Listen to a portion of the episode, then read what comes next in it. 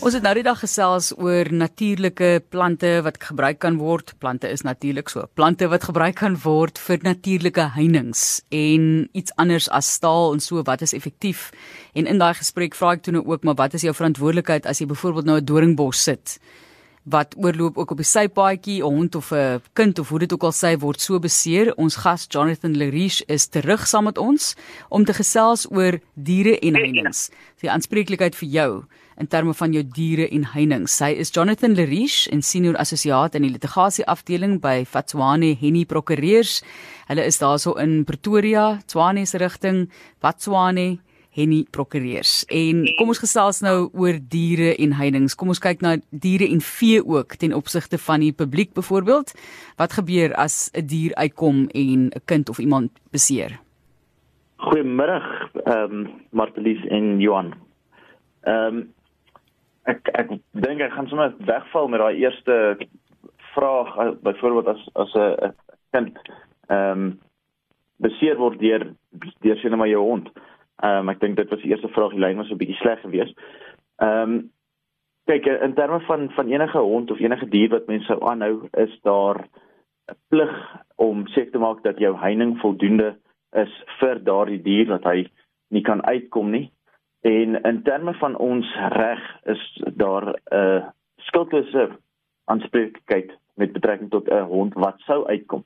Met ander woorde, dit is of die die, die Latynse term is 'n actio de par die de pauperie wat basies sê dat enige skade wat jou hond mag aanbring aan iemand anders of dit nou om die persoon te byt of enige ander skade wat dit kan wees is altyd die verantwoordelikheid van die eienaar. Met ander woorde of daardie hond nou buite sy normale ehm um, sal ek sê sy normale natuur opgetree het of nie, daardie eienaar gaan altyd aanspreeklik gehou word vir enige skade wat daardie dier sou aanbring. So mens moet seker maak dat jou chihuahua nie noodwendig deur jou jou heining kan kom nie of nie oor kan spring nie sodat hy nou nie ander mense se se self so so mens wees of dan nou so so ehm um, ag nou verloor, verloor ek die woord so so item kan beskadig nie skus ja nou moet ek vir sê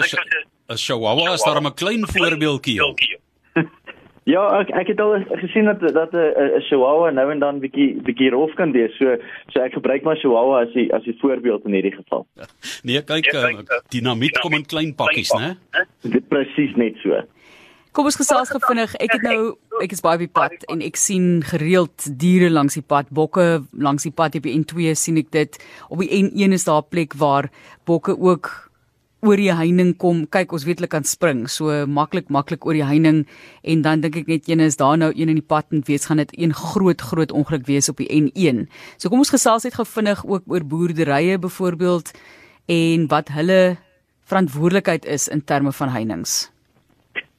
Ja, kyk met met uh, met boerdery en en heininge veral nou uh, heininge wat dan nou langs 'n uh, openbare of 'n publieke pad is is dit so bietjie anders. Daar is 'n uh, die die plig op 'n boer of 'n persoon wat 'n eienaar is van grond langs langs 'n um, openbare pad waar daar diere of vee aangehou word is om seker te maak dat daar voldoende heining is. Ehm um, die die gewone, soos ek sê die die standaard is is 'n uh, 1.2 meter lange heining wat gewoonlik 6 stringe of 6 ehm um, ja, 6 stringe doringdraad sal op hê en, en om seker te maak dat daai dat daardie heininge ook nou nie oud en geroes is dat dit nou maklik gebreek kan word deur 'n dier of so nie. Ehm um, daar's ook gesag op die punt wat sê eh, 'n uh, boer kan ook verder gaan om enige stap wat nie noodwendig ehm um, te duur sal wees om uh of net 'n bietjie verder gaan seker te maak dat vee nie uitkom nie. Met ander woorde as jy nou 'n hek langs die pad het, um, om 'n uh, slot op die hek te sit. Dis nie 'n dier ding nie, maar dit is iets wat kan keer dat 'n ander persoon dalk die hek per ongeluk ooplos en dat die diere in die pad kom. So so boere moet bietjie anders daarna kyk, maar daar is ehm um, hulle dit is nie presies dieselfde soos 'n hond wat wat sou ontsnap en iemand beskadig of iemand seermaak.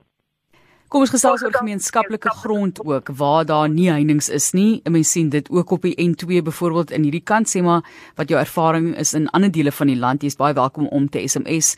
kan mens byvoorbeeld waar 'n heining stikkend is in so 'n geval skade eis teen wie wie's wie's aanspreeklik daar? Kyk in enige enige geval is daar gewoonlik 'n 'n eis wat mens in, in kan stel. Ehm um, die die beginpunt is gewoonlik die eienaar van daardie grond en in baie gevalle sal gemeenskaplike eiendom of gemeenskaplike grond soos die sal munisipale eiendom wees.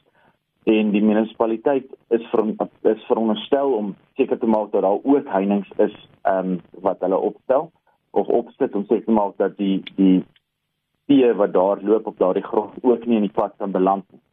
Ek het al gevalle gehad waar die munisipaliteit dan ook 'n uh, tipiese uh, huurkontrak aangaan met mense wie se beeste daar loop en daardie huurkontrak sal dan ook sê dat die persoon die persoon wat verhuur ehm um, moet die die die huurder dan nou seker moet maak dat die dat die heininge in in plek is en dat dat hulle voldoende is om die vee binne te hou. So in so 'n geval indien daar so 'n skade eis sou ontstaan, is die beginpunt om net te identifiseer wie daardie eienaar is en dan nou om om 'n dagvaarding teen teen hulle uit te reik en en indien nodig sal hulle dan nou die die persoon wat hier in die ehm um, voeg tot die die die prosedure. Maar maar dit is die beginpunt is om om te kyk wie die eienaar is want daardie persoon moet tog aanspreeklik gehou word vir vir die heininge Baie baie dankie vir hierdie insig wat hy vir ons gee ook. En ons gesels nou en dan met Jonathan Leriche net om vir ons te help in terme van regsaspekte wie en wat is aanspreeklik uh, vir hierdie skade wat 'n persoon kan ly en ons het gepraat oor heininge. Daai gesprek sal ook op potgooi wees. En vandag dan diere en heininge. 'n laaste woord van jou kant af Jonathan die, die uh, sê geweer hy die bly net nou net weggeraak daar. Goed, nee, ek sê sommer net 'n laaste woord van jou af in terme van diere en heininge. Ag enige 'n laaste woord van my kant af is maar net ehm um, wees maar op die uitkyk vir vir diere in die pad en en spesifiek as jy diere aanhou maak seker dat dat jou heininge voldoende is indien jou beeste oor die pad gejaag moet word na 'n ander kamp maak seker dat jy dat dat daar genoegsame waarskuwings vir motoris uh vir vir 'n motoris wat verbyry om om te sien dat daar beeste in die pad dalk gaan wees of skape of so en en, en wees maar net versigtig oor die algemeen.